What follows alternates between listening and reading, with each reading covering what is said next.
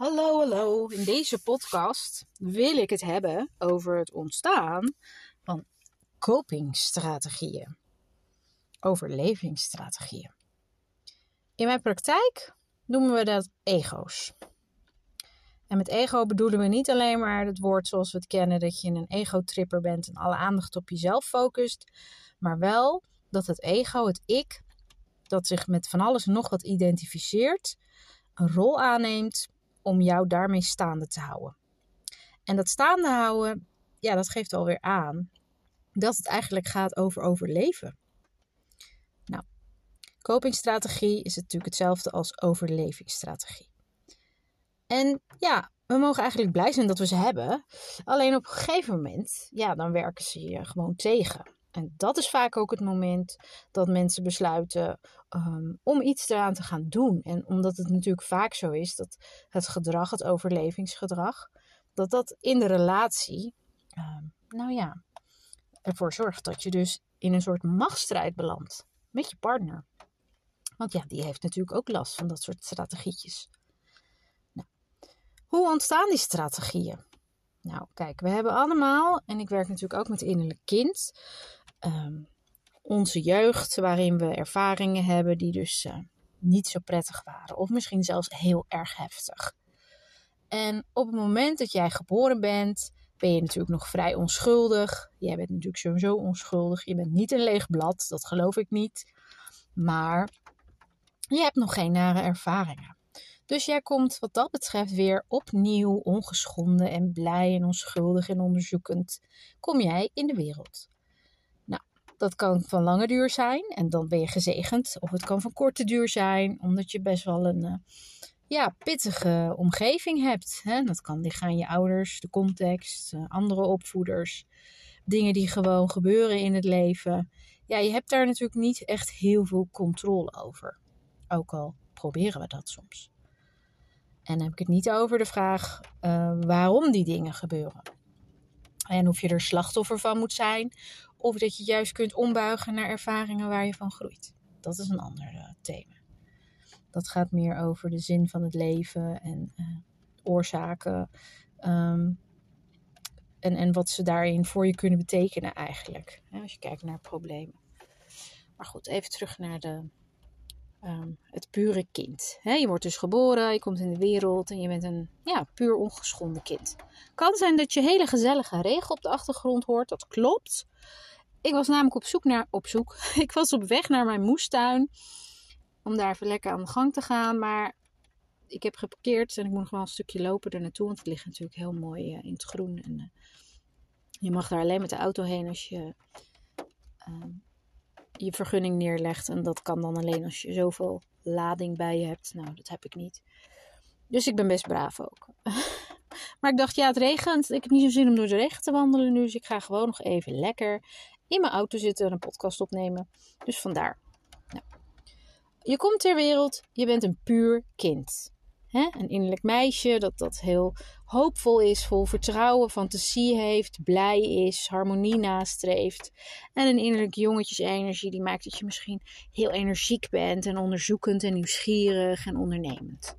We hebben allemaal vaak van de ene misschien iets meer als van de ander. En met sommige mensen is het misschien wel helemaal in balans. Allebei prima. Op het moment dat je iets overkomt wat pijn doet, dan treedt je overlevingsmechanisme in. En dat betekent dat je een gedrag gaat ontwikkelen om die pijn, die samen is uh, ja, verbonden aan, aan de ervaring, de gebeurtenis, om die eigenlijk te voorkomen. En dat kan betekenen dat je beweging naar voren maakt. Dus je doet actie ondernemen om daarin dus te voorkomen dat je pijn krijgt, dat je afgewezen wordt. En je vecht eigenlijk voor liefde. Of je deinst naar achteren. En dat betekent dat je je eigenlijk terugtrekt, je kleiner maakt. En hetzelfde resultaat, namelijk niet willen voelen van pijn, zit daaronder. Alleen bij de ene ga je je groter maken en bij de ander maak je je kleiner. Nou, je kunt je voorstellen dat dat er dus anders uitziet. Terwijl allebei hebben hetzelfde doel en dat is niet gekwetst worden, geen pijn. En aan de andere kant wel liefde, wel erkenning en wel harmonie willen voelen. Nou, stel je voor, je hebt dus iets meegemaakt en uh, je hebt een temperamentvolle karakter. Dus wat doe je nou? Je bent eigenlijk heel erg boos door dat wat er gebeurd is. Hè, bijvoorbeeld, uh, je vader is overleden. En ja, dan kan je zeggen, dat is toch helemaal niet realistisch. Daar kan ik toch niks aan doen. Dat klopt. Maar het gebeurt heel vaak dat kinderen toch boos zijn dat een ouder, in dit geval bijvoorbeeld vader, hem dan in de steek heeft gelaten. En daardoor ontstaat dus een bepaalde boosheid. En wat natuurlijk vaak daaronder zit, is dat het veel makkelijker is om boos te zijn dan om verdrietig te zijn. Want verdrietig zijn hou je ook niet lang vol. Dat is een energie die is ook niet gemaakt om lang vol te houden. Die is gemaakt om ruimte te creëren, om je hart te helpen openen opnieuw nadat het schoongespoeld is. De pijn, het verdriet. Maar dat is natuurlijk een enorme, heftige pijn hè, voor een kind om zijn ouders te verliezen. Ja, voor iedereen, maar voor kinderen natuurlijk nog meer. Als dat niet gedragen wordt door een ouder of een andere liefhebbende verzorger. En ja, je kunt je voorstellen dat als je, een van je ouders um, zijn partner verliest en jij dus je vader of moeder, dat die zelf ook in de rouw is en waarschijnlijk niet ja, per se precies er voor jou kan zijn op de manier die jij nodig hebt. We gaan even ervan uit dat dat zo is in dit voorbeeld. En dan kun je dus bijvoorbeeld boos worden. in plaats van dat je verdrietig wordt, word je boos. En nou, als je een kind bent, dan laat je misschien ook wel boosheid zien. Misschien word je heel nukkig of misschien word je zelfs opstandig en rebels.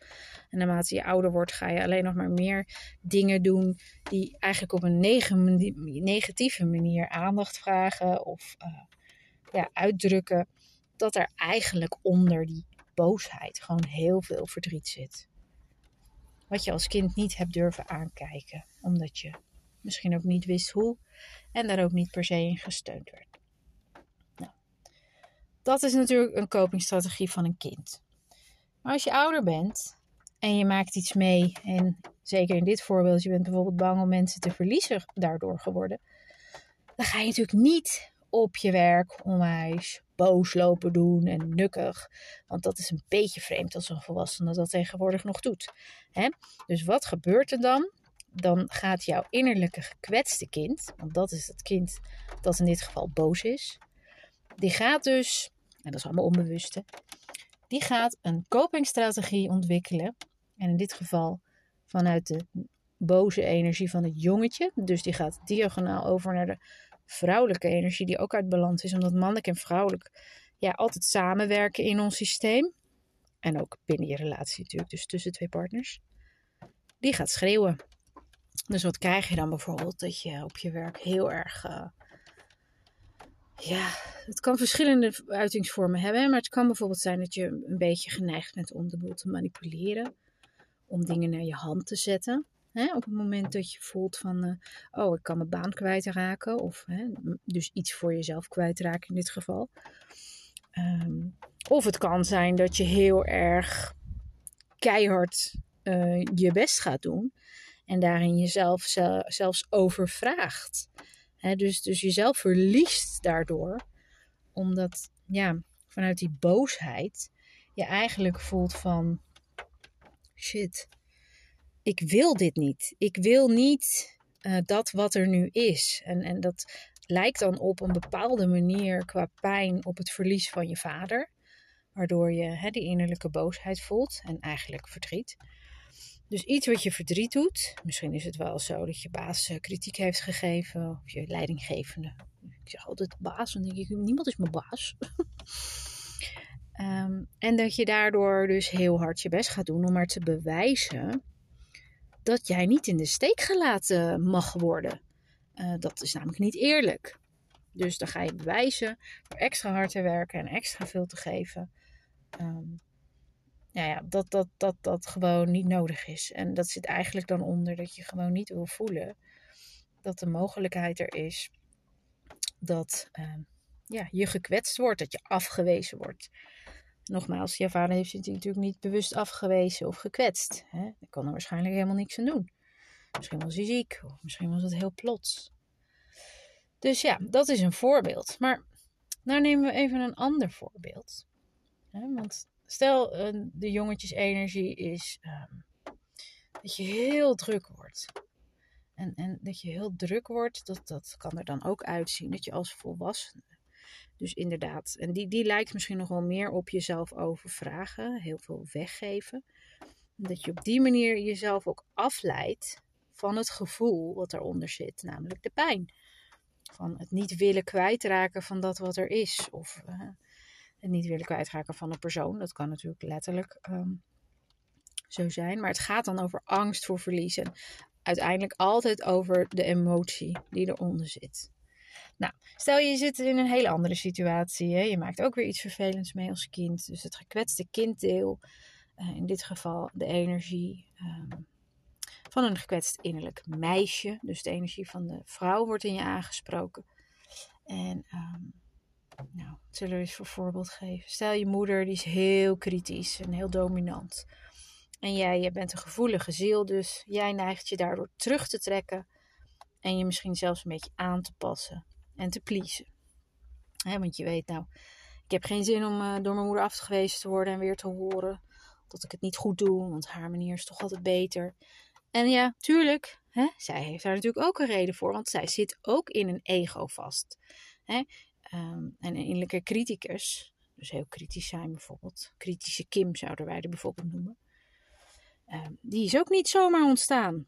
Hè? En dat kan zijn door een verinnerlijking van uh, haar eigen ouders, die misschien ook heel kritisch waren, um, of door iets anders. Maar hoe dan ook, als je gaat inzien dat iedereen ja, meestal dus niet zo leuk gedrag heeft ontwikkeld om te overleven, ja, dan kun je er ook wel met iets meer zachtheid naar kijken. Maar goed, daarvoor moet je ook met zachtheid naar jezelf kunnen kijken. Als je dat niet doet en je veroordeelt jezelf alleen maar, je bent streng en hard naar jezelf, eh, weet je dat vaak ook naar anderen. Dus ja, en dan zijn we weer bij de spiegels. Daar is een andere podcast over te vinden. Oké, nou, het innerlijke meisje met de kritische moeder, die trekt zich terug. Die denkt, nou, bekijk het. Ik ga mezelf gewoon zo onzichtbaar mogelijk maken. Dan voorkom ik dat ik pijn heb. Of ik ga me aanpassen en ik ga pleasen. Want dan krijg ik op die manier toch misschien nog een beetje liefde. Die liefde die ik zo nodig heb. Nou, dit kan een strategie zijn hè, die je het gekwetste kind al zodanig als je kind bent inzet. Maar als je volwassen wordt, dan gebeurt het vaker dat je merkt van nou, met die teruggetrokkenheid ga ik de oorlog niet winnen. Dus wat kan er dan gebeuren dat in jou de volwassen mannelijke ego gedragen energie, dat die dan naar buiten komt. En dat is ja, iets wat er weer heel anders uitziet. Sterker nog, je voelt je dus gekwetst en onzeker, maar je reageert als een botte bert. Of heel keel en afgesloten. Of heel dominant juist.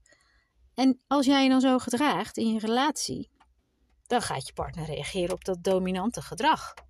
En niet op de gekwetstheid en de eenzaamheid en de afgewezenheid die daaronder zit. En nou, dan komt hij met natuurlijk eenzelfde ego, want hij voelt zich ook niet serieus genomen of uh, op een andere manier afgewezen door jouw gedrag. En dan komt hij met zijn eigen innerlijke gekwetste kind, dat ook een ego heeft ingezet. En bijvoorbeeld tussen, uh, nou ja, manipulatieve Menno. En dan gaan jullie samen, gaan jullie een beetje ruzie lopen maken met jullie botheid. En um, die zegt dan van, ja, en... Um, je, doet ook nooit wat voor me. En uh, nou weet je, ik vind het wel prima.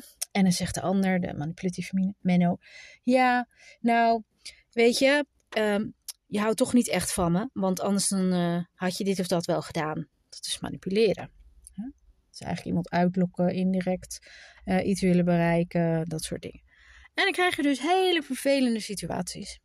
En eigenlijk is dit een uiteenzetting van een machtsstrijd.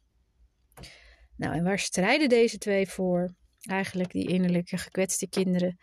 Hè, met het uh, harnas van een overlevend kind. Uh, oftewel vervormde, volwassen, ego-gedragen delen die nou ja, als een soort masker over die gekwetste kinddelen heen hangen. Ze vechten allebei alleen maar voor liefde, erkenning, bevestiging. En dat is altijd zo. En als je dat eenmaal weet van jezelf en van elkaar, ja, dan wordt het natuurlijk een heel ander spektakel waar je naar kijkt. En als je dan ook nog kunt uitzoomen en kan zien van hé, hey, waar zit ik nu met mijn energie? Ben ik heel erg aan het denken? Ben ik heel erg oplossingen aan het zoeken van wat moet ik doen of wat kan ik zeggen om deze pijn of deze situatie te voorkomen? Of verlies je juist helemaal in de emotie van ongezien en afgewezen zijn? Want allebei die plekken, of het nou in de lage emoties is of in het denken bij het hoofd, daar zit je op dat moment gewoon hartstikke vast. En juist omdat je vast bent, kom je in overlevingssystemen terecht. Want ja, als je niet vast zat en alles stroomde, dan was je aan het leven. En leven doe je door dus uit die twee dynamieken te stappen, uit die twee polen, het hoofd en of de emotie. En alles weer terug te brengen naar het hart. Want in het hart is het ego niet verbonden. En daar kun je dus altijd rust vinden. Nou, dat is dus hoe ego's werken en overlevingssystemen. En zoals je al zag, uh, je hebt het pure kind en je hebt het gekwetste kind, wat altijd onder een ego, oftewel een overlevingsgedrag zit. En het gedrag wat je inzet is eigenlijk ook wel het gedrag van het overlevende kind. Nou, als je nou wil weten wat ik daarmee doe met innerlijk kindwerk, dan moet je die podcast misschien even luisteren. Ik hoop dat je hierdoor wat meer inzicht hebt in hoe dat ontstaat. En vooral ook dat we eigenlijk allemaal maar slachtoffers zijn van ons verleden op het moment dat we ons verliezen in een machtsstrijd. En daar kom je dan weer bij alles eigenlijk terug tot de kern dat er pas verandering mogelijk is als er bewustzijn is. Bewustzijn van wat je doet, van wat je voelt en hoe dat allemaal met elkaar samenhangt. Nou, bedankt voor het luisteren. En ik wens je nog een hele fijne tijd toe. Vond je hem leuk? Deel hem dan lekker met anderen. En uh, tot snel!